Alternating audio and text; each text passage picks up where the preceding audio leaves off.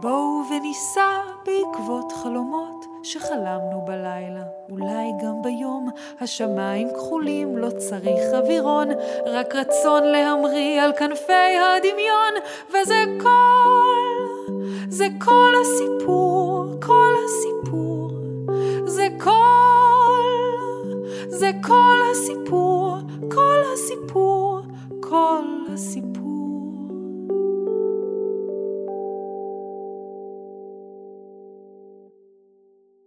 שוקולד תפוז, סיפור מאת לידור יעקב. אני אוהב שוקולד. זה הדבר הראשון שאני מספר כשמבקשים ממני לספר על עצמי. אמא שלי אוהבת לספר שהכל התחיל בגללה ובגלל אבא שלי. שלקחו אותי בגיל שלושה חודשים לגלידריה האהובה עליהם, ונתנו לי לטעום גלידת שוקולד בפעם הראשונה, והמבט בעיניים שלי סיפר להם כמה זה טעים לי.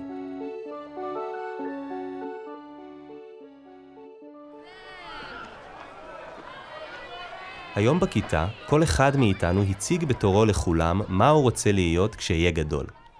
יואב ונדב סיפרו שהם רוצים להיות כדורגלנים, כמו מסי. יעל, שיושבת לידי בשולחן, סיפרה שהיא תהיה וטרינרית ותציל חיות. צור יהיה מדען כשיגדל, ועידו, החבר הכי טוב שלי, אמר שהוא יהיה אסטרונאוט ויטוס למאדים. כשהגיע תורי, ספרתי עד עשר בלב, כמו שאבא לימד אותי, ואז אמרתי, כשאגדל, אני אהיה שוקולטייר. שוקו מה? שאל יואב. שוקולטייר, זה מישהו שמכין שוקולד בכל הצורות והטעמים. זה נשמע משעמם, אמר עומר. ממש לא, עניתי, והתכוונתי להמשיך, אבל הצלצול נשמע. וכולם מיהרו לצאת להפסקה. אני ועידו התיישבנו על הספסל שמול מגרש הכדורגל, ואז שמעתי, הנה השוקולנדר, הא יואב הצביע לעברי וצחק. זה בכלל לא מקצוע, אמר נדב, ושניהם חזרו לשחק במגרש. אני עשיתי את עצמי כאילו בכלל לא שמעתי, והמשכתי לדבר עם עידו. למרות שהרגשתי את הצביטה הזו בגרון, שקורית לי בכל פעם שאני נעלב.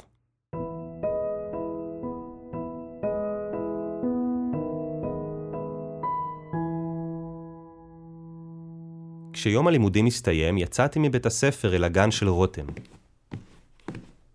רותם בת ארבע, ואני אוסף אותה מהגן פעמיים בשבוע, כשאימא חוזרת מאוחר מהעבודה. היי hey, רותם, קראתי לעברה כשנכנסתי לגן. אני משחקת עכשיו. היא רטנה, כאילו שלא ראיתי. בדרך כלל אני מחכה לה עוד כמה דקות עד שתסיים, אבל היום לא התחשק לי. בואי, הולכים הביתה, אמרתי לה. היא הסתכלה עליי, עשתה לי פרצוף חמוץ, ואז קמה. יוני, אתה כועס? היא שאלה כשיצאנו משער הגן ונתנה לי יד. לא.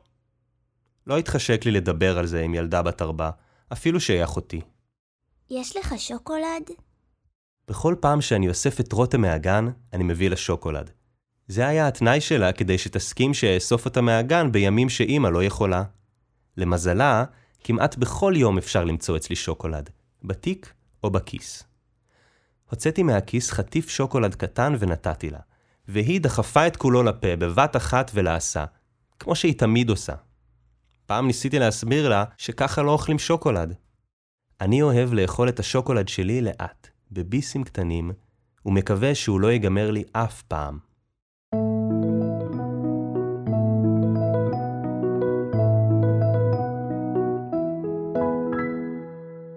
מתוקי. אמא נכנסה לחדר בדיוק כשפתחתי את שיעורי הבית בחשבון. היי, מלמלתי. הכל בסדר, יוני? יוני כועס. אמרה רותם, שנכנסה לחדר אחרי אמא. אני לא כועס, מה את מתערבת בכלל? צעקתי עליה. קרה משהו? אמא שאלה, ואני משכתי בכתפיים כי לא התחשק לי לספר. אם תרצה לשתף אותי, אני כאן. היא אמרה והמשיכה. דרך אגב, אבא סיפר לך שאנחנו נוסעים? לא. לאן? לחופשה קצרה בקיבוץ, בעוד יומיים. בסדר, אמרתי. הייתי עדיין מבואס.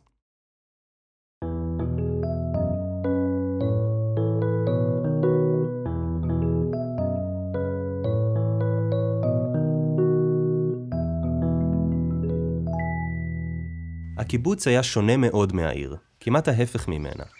הכל מסביב היה ירוק ומלא צמחייה, הבתים היו קטנים ולא היה שם אפילו מגדל אחד, והכל היה שקט ורגוע כל כך. אתם רעבים? שאל אבא אחרי שסידרנו את הדברים שלנו בבית ששכרנו בקיבוץ. כן! ענינו כולנו יחד. אז קדימה, לחדר האוכל. אף פעם לא הייתי בחדר אוכל של קיבוץ לפני כן. אבא נתן לי צלחת ואמר, לך תבחר מה שאתה רוצה.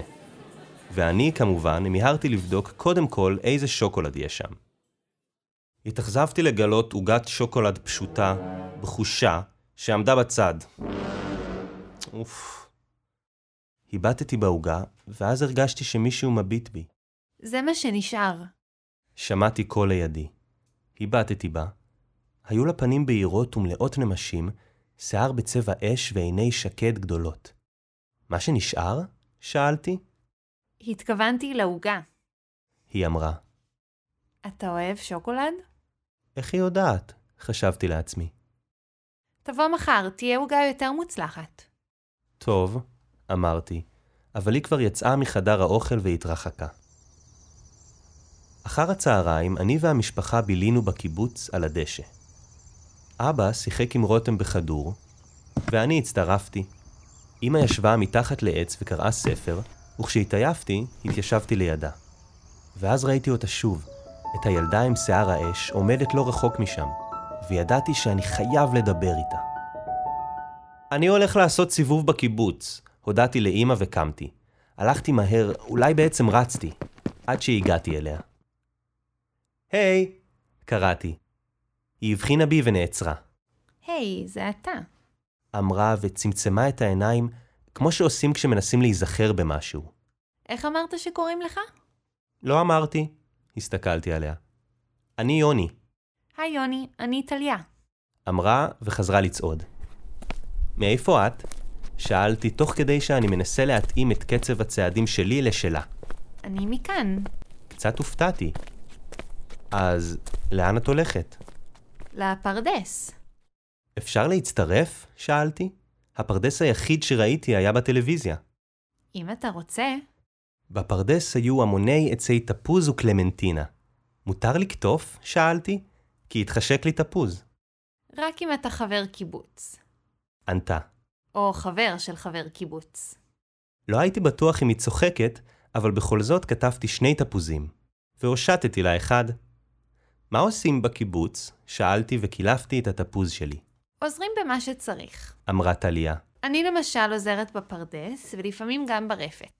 חלק מהזמן, בעיקר בחגים, אני עוזרת במפעל השוקולד של ההורים שלי. מפ... מפעל שוקולד? פלח של תפוז כמעט נתקע לי בגרון. אתה בסדר?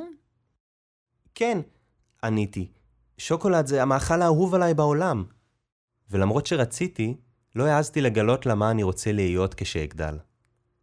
טליה נשכבה על הגב מתחת לעץ התפוז, וכך גם אני.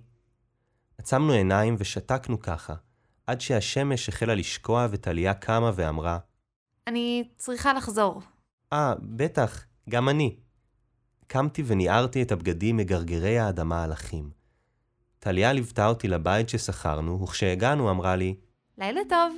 והיא עמדה קרוב אליי, עד שיכולתי להריח את המילים שלה. היה להן ריח של שוקולד.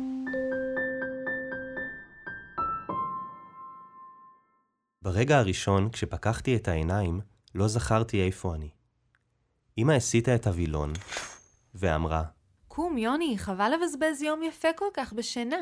הבטתי סביבי ונזכרתי שאני בקיבוץ, ומיד נזכרתי בטליה. נוכל לבקר היום במפעל השוקולד בקיבוץ? אבא תכנן לנו טיול אופניים. אם יישאר זמן, נקפוץ למפעל. ענתה אמא, ואני קמתי והתלבשתי מהר. בטיול האופניים זרזתי את כולם, רציתי כבר לסיים.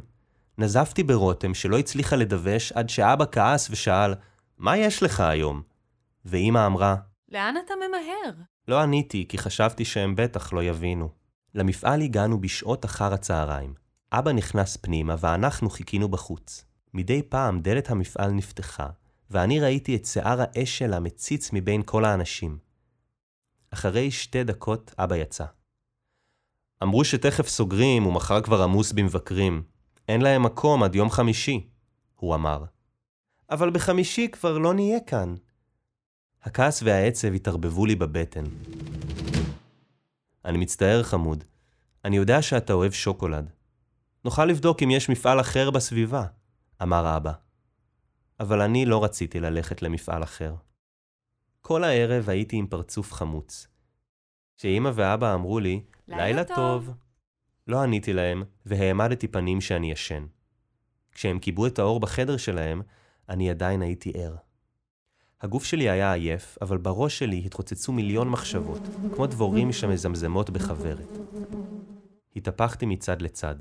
חשבתי על המפעל של טליה, שלא אספיק לראות מבפנים, ואז על טליה. איך זה יכול להיות, חשבתי, שאני בקושי מכיר אותה, ובכל זאת נראה לי שהיא מבינה, כמו שאפילו עידו, החבר הכי טוב שלי, לא מבין. בסוף קמתי. רותם, שישנה איתי בחדר, מלמלה מתוך שינה. נעלתי את הסנדלים שלי והלכתי על קצות האצבעות. הנחירות של אבא היו הסימן שלי. ידעתי שעכשיו כולם ישנים. דלת העץ של הבית חרקה, ואני סגרתי אותה מהר. התחלתי לצעוד לאורו של הירח. אני אעשה סיבוב קטן, חשבתי, ואחזור למיטה. בחוץ לא היה אף אחד, ואני חלפתי על פני בתים בקיבוץ וניסיתי לנחש איזה מהם הוא הבית של טליה. אני לא יודע אם תכננתי את זה או שזה קרה במקרה, אבל פתאום הגעתי לקצה הקיבוץ ועמדתי מול מפעל השוקולד. כשהתקרבתי, נראה היה לי שמישהו יושב שם, בפתח. עוד כמה צעדים קדימה וראיתי את שיער האש שלה, מואר באור הירח. טליה? תהיתי אם אני חולם. מה את עושה כאן באמצע הלילה? חיכיתי לך. היא אמרה ונעמדה. לי? אפילו אני לא ידעתי שאגיע לכאן. נו, בוא כבר. היא אמרה ואחזה בכף ידי. טליה דחפה את דלת המפעל הכבדה, ובתוך רגע שנינו היינו בפנים. כל זה המפעל שלכם? התפעלתי. היו שם מדפים עמוסים בקופסאות צבעוניות עם סרט, דלפק זכוכית ארוך שבו היו מסודרים בשורות עשרות פרלינים יפהפיים, ואפילו דוכן גלידה. מוכן לחלק המעניין? היא התקדמה ונכנסה לאחד החדרים, ואני אחריה. כאן קורה הקסם. אמרה בקול של כישוף ומתחה את ידיה על הצדדים. אני עמדתי שם, הבטתי בה, והשתדלתי להתנהג כרגיל, למרות שבפנים הלב שלי ניטר מהתרגשות. בפינה אחת של החדר ראיתי ערימה ענקית של חתיכות שוקולד גדולות. על הקירות היו תלויות תבניות בכל מיני צורות, והיו שם עוד המון כלים שלא הכרתי. אז מה מתחשק לך להכין? היא שאלה והמשיכה. תן לי לנחש. היא עשתה פרצוף מצחיק, כאילו שהיא מנסה לקרוא לי את המחשבות. פרלינים. ניחוש נכון, חייכתי. בסיר קטן היא הניחה כמה גושים של שוקולד והדליקה את הקיריים. כך. היא הושיטה לי מרית ואני התחלתי לערבב. בתוך הסיר, חתיכות השוקולד נעשו קטנות יותר ויותר, עד שנמסו למרק שוקולד חם. הריח שמילא את החדר היה מתוק כל כך, עד שהראש שלי החל להסתחרר. אחר כך היא שפכה את מרק השוקולד החם על משטח שיש, כמו בסרטונים שראיתי במחשב. אז מתי ידעת שאתה אוהב שוקולד? שאלה ומרחה את השוקולד על המשטח כדי שיתקרר. בגיל שלושה חודשים, עניתי. טליה צחקה. התכוונתי, מתי גילית שאתה אוהב להכין שוקולד? אה, הרגשתי קצת טיפשי. בגן, כשכל אחד הביא איתו משהו שהוא הכין, ואני הכנתי עם אמא שוקולד מפולי קקאו שטחנו בבית. תמרח שכבה ממש דקה. היא הניחה לידינו תבנית פרלינים והראתה לי איך. ואת? שאלתי בזמן שמילאנו את כל השקעים בתבנית. מתי את התחלת לאהוב שוקולד? מאז שהייתי בבטן של אמא שלי. צחקה. הם הקימו את המפעל עוד לפני שנולדתי, וכשאימא שלי הייתה בהיריון, היא לא הפסיקה לאכול שוקולד, לארוחת בוקר, צהריים וערב. זה באמת היה מצחיק. טליה נעלמה לרגע בחדר אחר, וחזרה עם קופסה. כשפתחה את המכסה, ראיתי בפנים קרם בצבע כתום חזק. תטעם. הכנתי את זה היום. טבלתי את האצבע בקרם והכנסתי לפה. טעם של תפוז טרי דגדג לי את הלשון. הייתי מוכן להישבע שזה קרם התפוז הכי טעים שאכלתי בחיים. במגירה הראשונה יש שקיות זילוף. מילאנו את שקיות הזילוף בקרם הכתום. תלחץ ככה, ממש בעדינות. הסבירה וזילפה לתבנית, ואני עשיתי כמוה. אחר כך כיסינו את הקרם בשכבה נוספת של שוקולד, וטליה הכניסה את התבנית למקרר ענק. עכשיו צריך לחכות. היא התיישבה ליד משטח השיש, והחלה לגרד ממנו את שאריות השוקולד וללקק. הצטרפתי אליה. היא סיפרה לי שאבא שלה רוצה שהיא תהיה מתמטיקאית או רואת חשבון כשתגדל, כי היא טובה עם מספרים. אבל אני אוהבת שוקולד יותר מחשבון. אמרה בפה מלא, והוסיפה שכשתגדל היא תעבוד במפעל השוקולד, שיום אחד יהיה שלה. אולי תבוא לעבוד איתי כאן. הציעה. אתה תהיה שוקולטייר נהדר. בטח שאני אבוא, אמרתי, וידעתי שהיא מבינה. הרגשתי כמו שמרגישים כשמגיעים הביתה. לפרלינים שהכנו היה טעם כזה שאין באף מקום אחר בעולם. אכלנו אותם לאט לאט עד שגמרנו את כולם.